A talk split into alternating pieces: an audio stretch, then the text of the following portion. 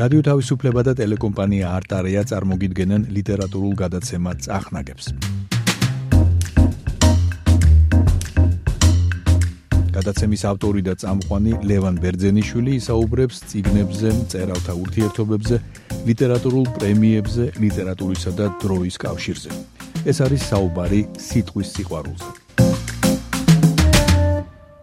მოგესალმებით, ძვირფასო მეგობრებო, ეს გახლავთ გადაცემა წახნაგები, რომელიც მიმყავს მე ლევან ბერძენიშვილს, მე ძალიან მიყვარს ამ გადაცემაში რუბრიკა, რუბრიკები გვაქვს და ყოველს ერთ-ერთი ყველა საყვარელი რუბრიკა გახლავთ. პრემია, იმიტომ რომ ლიტერატურა იმსახურებს პრემიებს, ბუნებრივია და ყველაზე დიდი პრემია და ყველაზე პრესტიჟული პრემია ლიტერატურის დარგში, რა თქმა უნდა, ეს გახლავთ ნობელის პრემია და აი ხუთშაბათს 8 ოქტომბერს გამოცხადდა ნობელის პრემიის ახალი ლაურეატი და ისევ დაიწყო მithkma მოთქმა, როგორც ეს ახასიათებს ხოლმე ნობელის პრემიის ლაურეატის გამოცხადებას. თქვა პირდაპირ ნობელის პრემია მიენიჭა ამერიკელ პოეტ კარლს ლუის ელისაბედ გლუკს, რომელიც გახლავთ ებრაული წარმომავლობისა, დედით ეს არის რუსული ებრაელობა, მამით ეს არის უნგრული ებრაელობა. ეს ადამიანები დედა და მამა ამერიკაში შეხვდნენ ერთმანეთს, წინაპრები იყვნენ მოკლედ რუსეთიდან და უნგრეთიდან და 1953 წლის 22 აპრილს დაიბადა ნიუ-იორკში ლუის ელისაბედ გლუკი. ნუ ძირითადად ელისაბედ სამცხე-სახელი ძალიან იშვიათად იყენებს ხოლმე სრული სახელიდან ესაა ლუის გლუკი ან ლუის გლიკი. იმიტომ რომ ეს გვარი ორნაირად იკითხება ხოლმე გრამატიკულად სწორად თუ წავიკითხავთ გლუკი უნდა იყოს, მაგრამ ებრაელთა სამყაროში როგორც წესი ამ იუს არ ამბობენ ხოლმე და გლიკს ამბობენ. ძალიან გავს ახალი ბერძნული და ძველი ბერძნულის ურთიერთობას და შემთხვევით არ მიხსენებია ამ პოეტთან ეს ხალხი და ეს კულტურა. უპირველეს ყოვლისა, რა გამოიწვია ამ გამოცხადებამ? ამ გამოცხადებამ გამოიწვია ორი რამ. პირველი, არავინ არ ედავება ნობელის კომიტეტს იმის გამო რომ ვერ იპოვა შესაძფერისი ავტორი.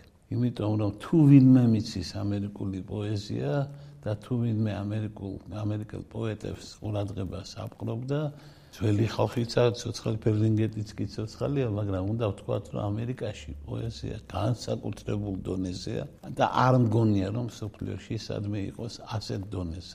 შეიძლება ესაა გარკვეული პასუხი ამერიკულ ინდუსტრიალიზმზე საერთოდ მათი ცხოვრების არაპოეტურ ხასიათზე შეიძლება სხვა რამის გამო, მაგრამ ნამდვილად ვიცი, რომ ამერიკაში რამდენიმე ძალიან დიდი პოეტია.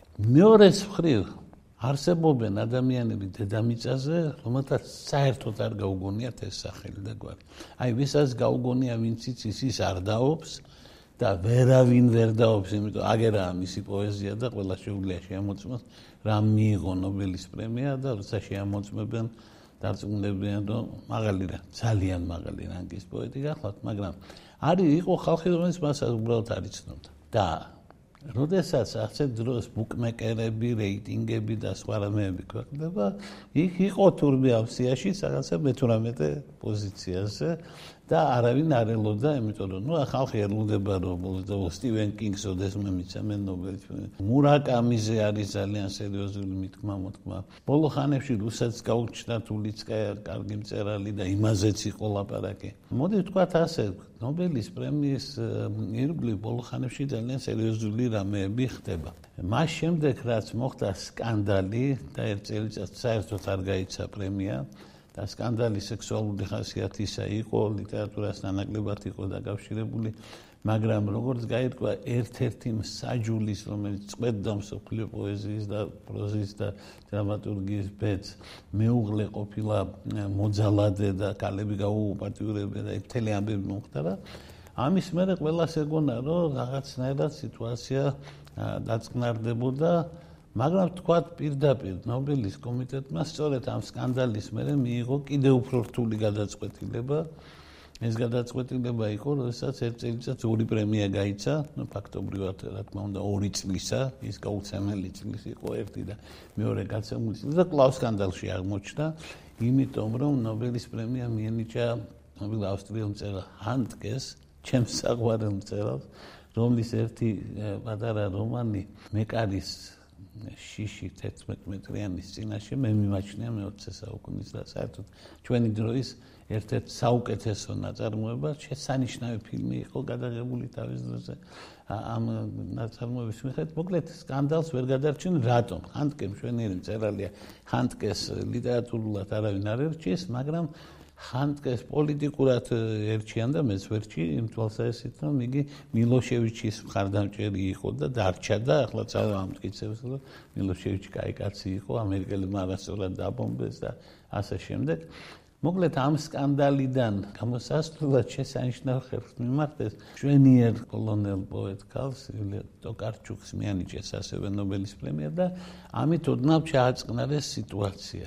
თან კალი კაცი ევროპა და ასე შემდეგ ეს ყველაფერი. მაგრამ ჩემოდა უამრავი საკითხი. უამრავი საკითხი ნობელის კომიტეტის ერთ-ერთი მთავარი პრობლემა არის რომ მას ბრალი ედება ევროპა ცენტრიზმში ამიტომ ისინი მოულოდნელად მისცემენ ხოლმე რომელიმე სულიად მოულოდნელ ამერიკელს როგორიც ეს იყო მაგალითად როდესაც მათ მისცეს პრემია ბობ დილანს. ბობ დილანი არ ჩავიდა გააგზავნა კაცი რომელსაც იქ ძალიან უცნაური პერფორმანსი მოაწყო.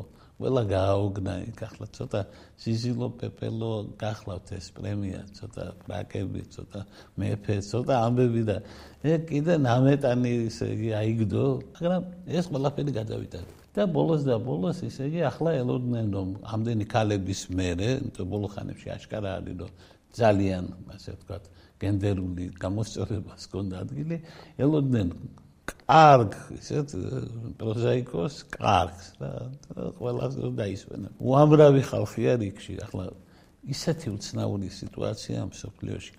აა როდესაც ერთდროულად ყავს ძალიან ბევრი კარგი მწერალი. ესე იგი ერთი 20 კაცი ვიცი, რომლის ნობელის პრემია არავის არ გააკვირვებს და არანაირ ჭუბს არ გამოიწვევს და ხო მახსოვს რომ 2014 წელს მოდიანომ გამოიწვია მღელვარება განსაკუთრებით საქართველოსში იმიტომ არ იცნობდნენ მას თუმცა იყო ქართულად აღნილი მიუხედავად ამისა მაინც ბევრმა არ ჩათვალა ეს ღირსეულ გადაწყვეტილებად. რაც შეეხება წლამდეს კიდევ ერთხელ ხალხმა თქვა ვინ არის საერთოდო ოღონდ ვინ არის გვაქვს გარკვეული პასუხი. მე საქმე ის არის რომ მე ვიცნობ ნობელის პრემიის ამ ლაურეატს. ასე რომ ბოლო ხანებში მაგარი გამართლებები მაქვს, იმიტომ რომ ტოკარჩუკს იცნობს საქართველოსში ყველა, იმიტომ რომ შესანიშნავია და მე ძალიან კარგი ურთიერთობა ჩვენებთან და ჩვენს ლიტერატურასთან.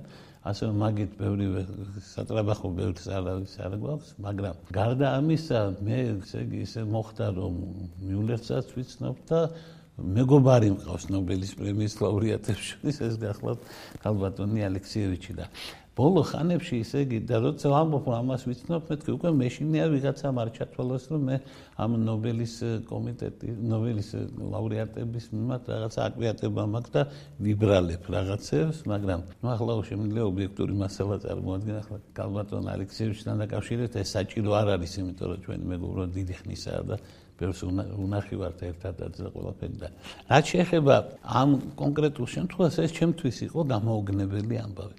საქმე ის გახლავთ, რომ მე დიდი ხნის განმავლობაში 3 წელი ცხოვრობდი ფაქტობრივად ამერიკის შეერთებულ შტატებში და მე სადაც მუშაობდი, მათ დიდი საკმაოდ დიდი თანხა გამოყვეს იმისთვის, რომ მე დამეკირავებინა პინა, თან პირდაპირ მეუბნე, აი ეს უბანი არის კარგი, ეს მშვიდობიანია, იმიტომ ვაშინგტონში სხვათა შორის ქალაქი 4 ნაწილადაა გაყოფილი. ჩრდილო აღმოსავლეთ, ჩრდილო დასავლეთ, სამხრეთ აღმოსავლეთ, სამხრეთ დასავლეთ და მარტო ერთ ნაწილში შეიძლება ცხოვრება. უსაფრთხოდ, იმიტომ რომ ძალიან საშიში ქალაქი ახლა პერტვალცეზი და კიდევ არის ისე ვარიანტი არის რომ იცხოვროს ადამიანმა მეზობელ შტატში, ვირჯინიის შტატში და მე სწორედ მაგ ვარიანტით ვისარგებლე, მაგრამ მე არ ვცხოვრობდი ჩემი სამსახურის მიერ გამოყოფილ რაღაცა ძალიან ფეშენებულ სახლებში. მე ვცხოვრობდი ჩემს მეგობართან. ამერიკის შეერთებულ შტატებში მყავს მეგობარი, რომელსაც ყავდა მე მყავს ქალი მეგობარი, რომელსაც ყავდა კაცი მეგობარი. ეს კაცი მეგობარი ამ პერიოდისთვის გადასახლდა ჩემს ქალ მეგობართან, ხოლო მისი სახლი ორსართულიანი და ოთხი მანქანა ჩამბარდა მე. ამ სახლში ვცხოვრობდი მარტო მე, მაგრამ რამდენჯერმე წელიწადში, როცა იყო ვთქვათ Thanksgiving-ი, ანუ მადლიერების დღე, როცა ოჯახი იკრიბება მისი ქალიშვილები მოდიოდნენ ხოლმე და ვიკრიბებოდით ყველანი ერთად. ხოლო წელიწადში ერთხელ მისი მეუღლის დაბადების დღეს, მისი მეუღლე ამ კაცის მეუღლე გარდაიცვალა. მისი მეუღლის დაბადების დღეს მოდიოდნენ ხოლმე ამ ქალის მეგობრები. ეს ქალი ჩემთვის ძალიან მნიშვნელოვანი ქალი იყო და ძალიან სერიოზულად გადავიტანეთ მის სიკვდილით, ცუდად ამწყობობას ვერ მოერგია. ეს ქალი გახდათ ქალბატონი ასევე ელიზაბეთ ლი ამერიკული წარმოშობის ჩინელი ჩინელი ამერიკელი და ერთ-ერთი საუკეთესო ამერიკელი პოეტი. ეს ჩემი მეგობრის მეუღლე. რომელიც გარდაიცვალა. მისი სიკვდილის შემდეგ, მისი სიკვდილის დღეს, რომელიც ემთხვევა კალბატონ გლუკის დაბადების დღეს, 22 აპრილს, იქ ამ ოჯახში იკრიბებოდა ამერიკული პოეტური ელიტა. მე გაუგნებული ვიყავი, რომ ნახე ხალხი ახლა ესეთი როგორც წესი ჟურნალისტები მოაცილებდნენ ხოლმე და სახში არ უშვებდნენ ჟურნალისტებს და ასე გავიცანი გავიცანი ელიზაბეთ გლუკი მოკლედ ისე იგი ჩვენი ორი ელიზაბეთი მეგობრობდნენ ძალიან ახლო მეგობრები იყვნენ და ეს ეს არაცდენდა ხოლმე ამ სამი წლის განმავლობაში სამჯერ იყო სამივე ჯერ იყო და იქ იყო ძალიან სერიოზული საუბრები პოეზიაზე ქვეყნებს მათ შორის საქართველოსზე და ჩვენი დაახლოება ძირითადად განაპირობა იმან, რომ ეს პოეტი ღრმად არის დაინტერესებული ანტიკურობით. ღრმა ინტერესი აქვს ანტიკურობის. მისი კრებულებიდან ყველაზე უკეთეს კრებულს ქვია აქილევსის ტრიუმფი. ეს არის 1985 წელს გამოცემული, რომლის მერე იგი ითვლებოდა ნომერ პირველ პოეტად ამერიკაში. მე ჩვენების მიკვირს, როგორ გამოეპარათ ეგეთი ამბავი, ადამიანი 25 წელია იმოდენა ქვეყნის მთავარი პოეტია და შეუმჩნეველი როგორ დარჩა ეგ ამბავი ვინმეს თუ დარჩა არ ვიცი მაგრამ მე ვიცოდი კი რომ ეს არის და ნუ შეხედავდა და ელაპარაკები არტოვებს ძალიან წინწაწეული და გამოჩენილი ადამიანის შტაბშილებას მე ღრმა ადამიანი. ჩვენ ბევრი გვილაპარაკია მაგალითად აქილევს მაგალითად პენელოპეს და ასე შემდეგ. იმიტომ რომ მას გაქვს ღრმა ინტერესი ანტიკურობის მიმართ. ეს ქალი როგორც გითხარით 1953 წელს დაიბადა. საკმაოდ ისეთი შეძლებული ოჯახი გახლავთ მამამისმა გამოიგონა დანა ერთ-ერთი სახეობის დანა იქ სარკოქვია დანას. ამერიკაში ყველა ოჯახში არის იქ სარკოს. ერთი დანა მაინც. ცოტა ძვირიანი დანებია მაგრამ ძალიან სერიოზული და დააპატენტა. უცებ აღმოჩნდა რომ ეს ყველას მოწელს ეს დანა და ამიტომ დაიწყო მისი წარმოება და ოჯახი ძალიან სერიოზულად სერიოზულად ძლავრად ცხოვრობდა. მას ყავდა უფროსი და რომელიც სამწუხაროდ მის დაბადებამდე ორი წლის ასაკში გარდაიცვალა, რამაც მოახდინა შემდეგ დაბადებულ ბავშვზე უღრმესი შთაბეჭდილება და შეიძლება ითქვას, რომ იქიდან დაიბადა მისი პოეზია. ამიტომ ეს ცოტა სევდიანი პოეტი გახლავთ ახლა მაინდამაინც ხიარული ლექციები და ანაკრეონტიკით არ არის ცნობილი. კიდევ დაებადა და რომელიც სხვათაშორის მინდა ვთქვა, ეს საქართველოს ძალიან ცნობილი City Bank-ის ვიცე-პრეზიდენტი იყო. ხა შეგიძლიათ წარმოგიდგენთ რადონის ხალხი იყო თუ გავითვალისწინებთ რომ ჩემი მასმინძელი კიდევ სოფლიო ბანკის ერთ-ერთი სერიოზული წარმომადგენელი იყო ახლა იქ ფინანსურ საკითხებზე იყო ხოლმე საუბრები და ლუის არასოდეს არ იტაცებდა ეს ფინანსები და არ ესმოდა არაფერი ამ დარგის და ასე ლაპარაკობდა ხოლმე მაგალითად მისი დადა ჯო ჩემი მეგობარი რო საუბრობდა ეხლა ხელებს ასე აკეთებდა ხოლმე რომ რაზე არ ლაპარაკ საერთოდ გაუგებარიყო ახალგაზრდობაში მას დაემართა ნერვული ანორექსია და ფაქტობრივად გადადებული იყო ეს მკვდებოდა მithler რომ იყო მომენტი როდესაც რაღაცა 20-22 კილო ვიყავიო ახლა სულიად წარმოუდგენ ახლა ადამიანი 22 კილო. და ფაქტობრივად ოჯახმა ყველაფერი გააკეთა რომ გამოეყვანათ ამ მდგომარეობიდან და ფსიქოანალიზის საშუალებით, რომელზეც ძალიან ხშირად არის ხოლმე მithქვა მოთქვა, რომ არაფერს არ შვება და რაღაცა შარლატანობა და სხვა, მას უშველეს და გამოიყვანეს მდგომარეობიდან. ამის გამო ის უნიჭერესი იყო ძალიან კარგად სწავლობდა ჰიულეტის სკოლაში, ისწავლა ქალაქ ჰიულეტში და იყო სტიპენდიანტი და უნდა ესწავლა ნიუ-იორკის მთავარ უნივერსიტეტში, კოლუმბიის უნივერსიტეტში, მაგრამ ვერ მოხვდა იქ აუნტყოფობის გამო. და ვერ ისწავლა უმაღლესში, ასევე ეს ერთადერთი პროფესორია მე მგონი თემსოფლიოში, რომელსაც უმაღლესი განათლება კი არა, სასკოლო სკოლის განათლება არ აქვს. ამჟამად გახლავთ იელის უნივერსიტეტის ადიუნქტ პროფესორი და კიდე რამდენიმე უნივერსიტეტის საპატიო დოქტორი და სხვა. სხვათა შორის მინდა გითხრათ, რომ ის ვერაფრით ვერ იმახსოვრებს ჯილდოებს, რომელიც აქვს მიღებული, იმიტომ რომ მე მეეჭვება, რომ ოდესმე რომელიმე მწერალს ამდენი ჯილდო კონდეს მიღებული. მას წელიწადი არ გაუცდენი 1979 წლიდან 2020 წლამდე წელიწადი არ გაუცდენი რამე პრემია რო არ მიიღო. მისი პრემიების ჩამონათვალი ერთი ცალკე ციგნის ტოლფასი არის, მთელი ამბავი არის. მათ შორის მას აქვს ყველა პრემია ნობელამდე, რაც უნდა მიიღოს ადამიანმა. ეს არის პულიცერის პრემია, ამერიკის შეერთებული შტატების მთავარი პრემია, ასე რომ ვიღაცები რომობენ ვინ არის და ვერ ვიცნობთ, ახლა პულიცერის პრემიას ყველას არ აძლევენ ხოლმე, მით უმეტეს ესაა პულიცერის პრემია პოეზიის დარგში.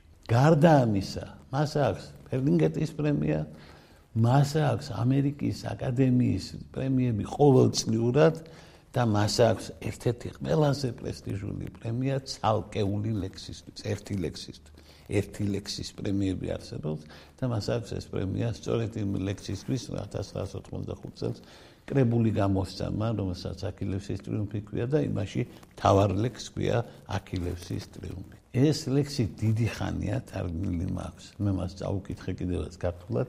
რა გაიგო და რა არ ვიცი, მაგრამ ყოველ შემთხვევაში ჩვენ გქონდა სრული სრული თანხმობა იმაზე მე როგორც მესმოდა და რაც უთხარი მან თქვა რომ ეს არის ის რაც მან დაწერა ძალიან რთულად მიდიოდა მისი პირადი ცხოვრება სწორედ იმის გამო რომ ძალიან ძალიან გავხდარი ახლა ძალიან გავხდარი მაგრამ საერთოდ საეჭვო იყო იგი შეიძლება თუ არა საერთოდ იგი მეუღლე და დედა და რამ ყოფილიყო მაგრამ როგორც ჩანს, როგორც რაღაც მომენტში 60-იანი წლებიდან მას დაუბრუნდა გარკვეული ძალა და პირველი კრებული რომ გამოსცა, რომელიც ერთ-ერთი საუკეთესო კრებული გახლავთ საერთოდ ამერიკის პოეზიის ისტორიაში, ამ კრებულს ქვია სახელად Firstborn-ი, ანუ პირველ შობილი, პირმშო, ძალიან წვავე კრებული გახლავთ. ეს გახლავთ ის ეპოქა, როდესაც ამერიკა ინელებდა სექსუალურ რევოლუციას. ამ გოგოსგან, რომელიც იმ მომენტში შეიძლება კალიშვილის კი იყო, ცოტა მოულოდნელი იყო ასეთი მძაფრი პოეზია. მაგრამ მერე და მერე ამას მოყვა სხვა რამეებიც. იყო გათხოვილი პირველ მეუღლესთან ერთად დიდხანს ვერ გაძლო, ვერ გაუძლეს ერთმანეთს და არ დარჩენილან მეგობრებად, ვიცი რომ ის კაცი მწულად იყო განწყობილი. მე ყავდა მეორე მეუღლე, რომელთანაც ვაჟი გაუჩნდა და ეს ბიჭი არის მისთვის ყველაფერი პოეზიის შემდეგ. რა თქმა უნდა და შემდგომში, ესე იგი, მისი ცხოვრება ძირითადად დაკავშირებული იყო პოეზიასთან. იგი მუშაობდა მდივნად, აი, როდესაც ამერიკის ნომერ პირველ წერლად აღიარეს. მისი სამსახურის ადგილი იყო რომელიღაცა ძალიან პატარა კლერკის მდივნობა. იქ საკმაოდ დიდხანს იმუშავა ყველა ეუბნებოდა რომ ახლა აღარ შეგეფერება მაგრამ ეს აბსოლუტურად ამაზე არ გელავდა. ძალიან კარგი მდივანი ვიყავიო მე კიდე მისთვის ამიხსნია რომ ძალიან კარგი სტოლონაჩალნიკის გადამწერი იყო نيكოლოზ ბარათაშვილი უდიდესი ქართველი პოეტი. მოკლედ რომ ვთქვათ ეს ქალი სოფლიო პოეზიაში შემოვიდა ძალიან ბევრი თემით და მას შეუძლია იყოს ისეთ აქტუალურ თემაში ძლიერი, როგორც არის მაგალითად 2001 წლის 11 სექტემბრის ტრაგედია. 2001 წლის 11 სექტემბრის ტრაგედიაზე უამრავი რამ არის დაწერილი, მაგრამ ემოციის თვალსაჩინით მე ძალიან მეეჭვება, რომ ვინმე გადააჭარბოს ერთ ლექს, რომელიც თელმა პოეზიის მოყვარულმა ამერიკამ იცის ზეპირად. ამ ლექს ქვია ოქტომბერი. ეს გახლავთ ლუის გლუკის ერთ-ერთი საუკეთესო ლექსი. კრებულსაც შემდგომში ქვია ოქტომბერი და ეს არის როგორ როგორ დადგა ოქტომბერი იმ სექტემბრის შემდეგ, რომელიც კაცმა რომ თქვას არ უნდა დამდგარიყო. ეს არის ლექსი იმაზე თუ როგორ კლავს სიცოცხლის ძალადობა სიცოცხლის ხალისი როგორ კვდება ძალადობის ფონზე საშინელი ძალის ლექსია და ძალიან ემოციური. მასში არ არის ნახცენები 11 სექტემბერი მაგრამ ეს ყველანაირად იგულისხმება ყველანაირად იქცნობა. მასში არ არის ნათქვამი რამდენი იყო მსხვერპლი და სხვა მასში არ არის არც ერთი ის ფაქტი მოყვანილი რომ სული შეგვიძრას და ამის მიუხედავად ამაზე სული შემძრელი ლექსი მე ძალიან იშვიათად მეგულებ. მე ახლა უბრალოდ ჩამოგიტყვით ზოგიერთ პრემიას რომელიც მას აღებული აქვს ეს არის გუგენჰეიმის სტიპენდია აიღო ორჯერ 75 და 87 წლებში ეცა ბოლინგენის პრემია 2001-ში ეცა პულიცერის პრემია პოლიტიკური ნაწარმოებისთვის 93-ში ესა ინგლისური ახალი ინგლისის პენ-კლუბის პრემია 2007-ში იგი გახლავთ ამერიკის შეერთებული შტატების პოეტი ლაურეატი. ასეთ წოდებას ფლობს ახლა 4 ადამიანი სულ, მათ შორის ძველი თაობიდან ჩემს მიერ უკვე რამდენჯერმე ნახსენები პერლინგეტი. როგორც გითხარით 1985 წელს მან გამოსცა ეს იყო მისი მეოთხე ციგნი, რომელსაც ქვია აქილევსის ტრიუმფი. ამას მოყვა სხვათაშორის სომხურ პრობლემატიკაზე დაწერილი შესანიშნავი კრებული არარატი, ერთ-ერთი ანტკივნეული ლექსია, ესა კრებულია, რომელსაც საკმაოდ წვავეთ შეხვდა თურქეთი როგორც ქვეყანა. იმიტომ რომ აქ არის ლაპარაკი მთაზე რომელიც ერთი ხალხს აქვს და მეორე ხალხი ამბობს ჩემიო და მეორე ხალხთან ერთად თემამსოფლიო მიცის რომ განსაკუთრებული დამოკიდებულება აქვს ამ თასთან სხვა ჩვენს არ არის თურქულ სომხურ პრობლემატიკაზე ეს არის ნოეს თყილად კი არ დაარქვა შვილს ნოე ნოა ამერიკული წარმოთქვით. ნოეს ამბავზე ნოეს კიდობანზე არის და არა არაძე გაჩერდა ძალიან საინტერესო ციგნი გახლავთ. მე ახლა მინდა ორი სიტყვა გითხრათ იმ კრებულზე რომელიც ამდენჯერ მევახსენე ეს არის აკილევსის ტრიუმფი და დავიწყოთ ასე. ვინც საბერძნეთში ყოფილა მან უნდა იცოდეს რომ ამ ქვეყანაში ყოფნას ვერავინ ვერ ვის. მყარად თუ არ იქნება ნამყოფი მის ყველა კუნძულზე ესეთი ქვეყანა. იტალიაში ვიყავი რო ეთქვი, არა პრობლემა. რომში იყავი, იყავი. ვენეციაში იყავი, იყავი, ფლორენციაში იყავი, მილანში, გენუაში იყავი, ესე იგი ყოფილიყარ ამ იტალიაში, ნეაპოლი, ძალიან კარგი. საბერძნეთი ასე არ არის.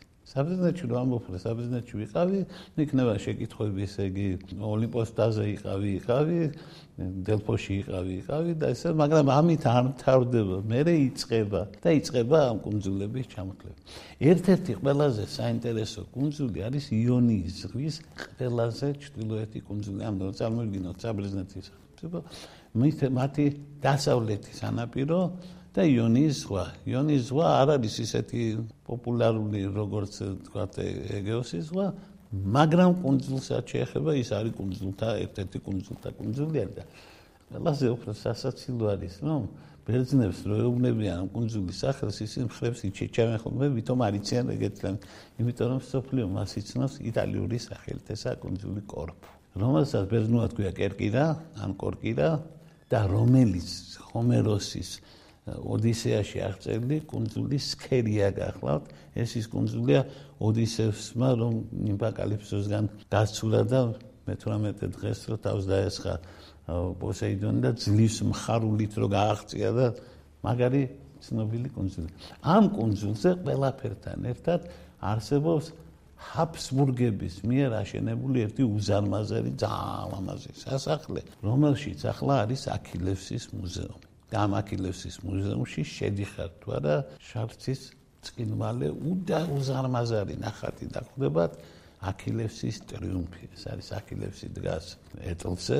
ეტლში გამომული ყავს ჰექტორი და მარჯვენა ხელში უჭირავს ჰექტორის მუზარადი. ასე აწეული აქ საშინელი ძალის ნახატი არის იმიტომ დიდია ძალიან და თან სისახტიკეს აჩვენა როგორ დაამარცხა და როგორ არისვენებს ახლა და მიცვალებულს აწვალებს აი ამ სახემ აქ ისვენებდა შთაგონა პოეტ ლუის გლუქს ეს სათაური აქილევსის ტრიუმფი.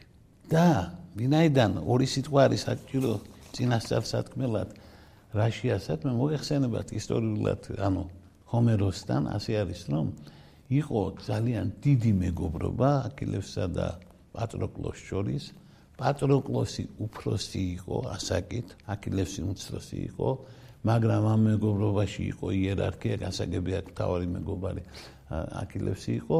უბრალოდ იმას იმის ასაქსი იმიტომ გავუსვი ხაზი რომ ციტელ ფიგურიან ნახატებზე წვერი აქვს ხოლმე პატროკლოსი. აქილევსმა გაუშვა პატროკლოსი როცა ხომალდებს ცეცხლი გაეკიდა რომ მოიგერია მტერი და დაბრუნდიო.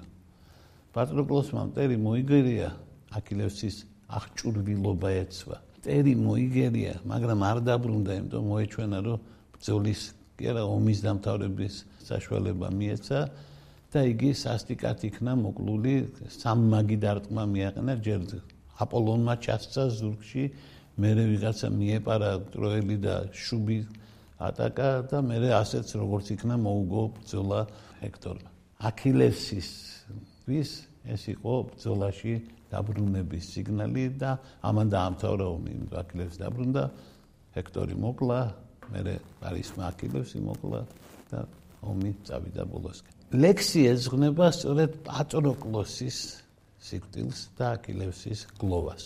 წაგიკითხავთ.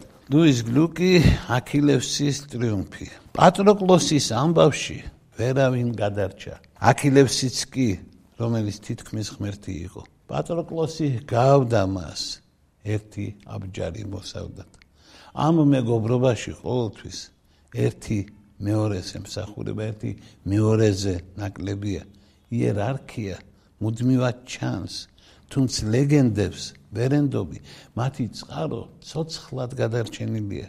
ის ვინც მიატოვეს რა იყო ცეცხმოდებული ბერძნული ხომალდები ამ დანაკარგთან შედარებით. თავის კარავში აქილევსი თელი არსებით გლოვობდა დაღმერთებმა დაინახეს. ეს კაცი უკვე მკვდარი იყო და იყო მსხვერპლი იმ ნაწილისა რომელსაც უყვარდა მოკვდავი ნაწილის.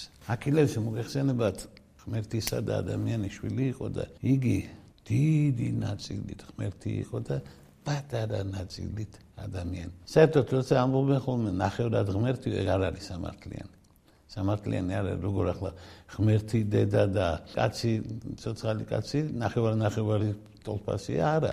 გილგამეში ორი მესამედი ღმერთი იყო და ერთი მესამედი კაცი და ბერძნები სამი მეოთხედი ღმერთებია და ერთი მეოთხედი კაცი და დაკლეს გახდაო ეს პოეტი გვევნება საკუთარი მეოთხედი ნაწილის მსხვერპლი იმიტომ რომ ეს მეოთხედი ნაწილი მოკლა პატროკლოსის სიკვდილმა იმიტომ რომ სწორედ თურმე ადამიანს რომელიც ნახევრად ღმერთია ნახევრად ადამიანია სამი მეოთხედი ღმერთია და ერთი მეოთხედი ადამიანი სიყვარული შეუძლია მხოლოდ ადამიანური მხრიდან, ღვთაებრივი მხრიდან არა. ამას გვასწავლის ეს პოეტი. ჩემთვის ეს არის ლექსი, რომელიც ჰომეროსს მოეწონებოდა. იმედი მაქვს, რომ ქართველი კრიტიკოსები ამ ამ ამბავს გაითვალისწინებენ. ასე რომ გავიცნოთ, გავიმახსოვროთ 2020 წელი 2020 ნობელის პრემია ლიტერატურის დარგში მიენიჭა დიდ ამერიკელ პოეტს ლუის გლუკს ფორმულირებით. ხო იცით თქვენ რომ ნობელის კომიტეტი ფორმულირებაზე სერიოზულად იხარჯება ხოლმე. ძალიან სერიოზულად უყვართ ხოლმე მაგარი ფორმულირების დაწება და დაუდეს ამასაც. მისი შეუმცდარი პოეტური ხმისთვის, რომელიც სასტიკის ლამაზით ინდივიდუალურ არსებობას უნივერსალურად აქცევს.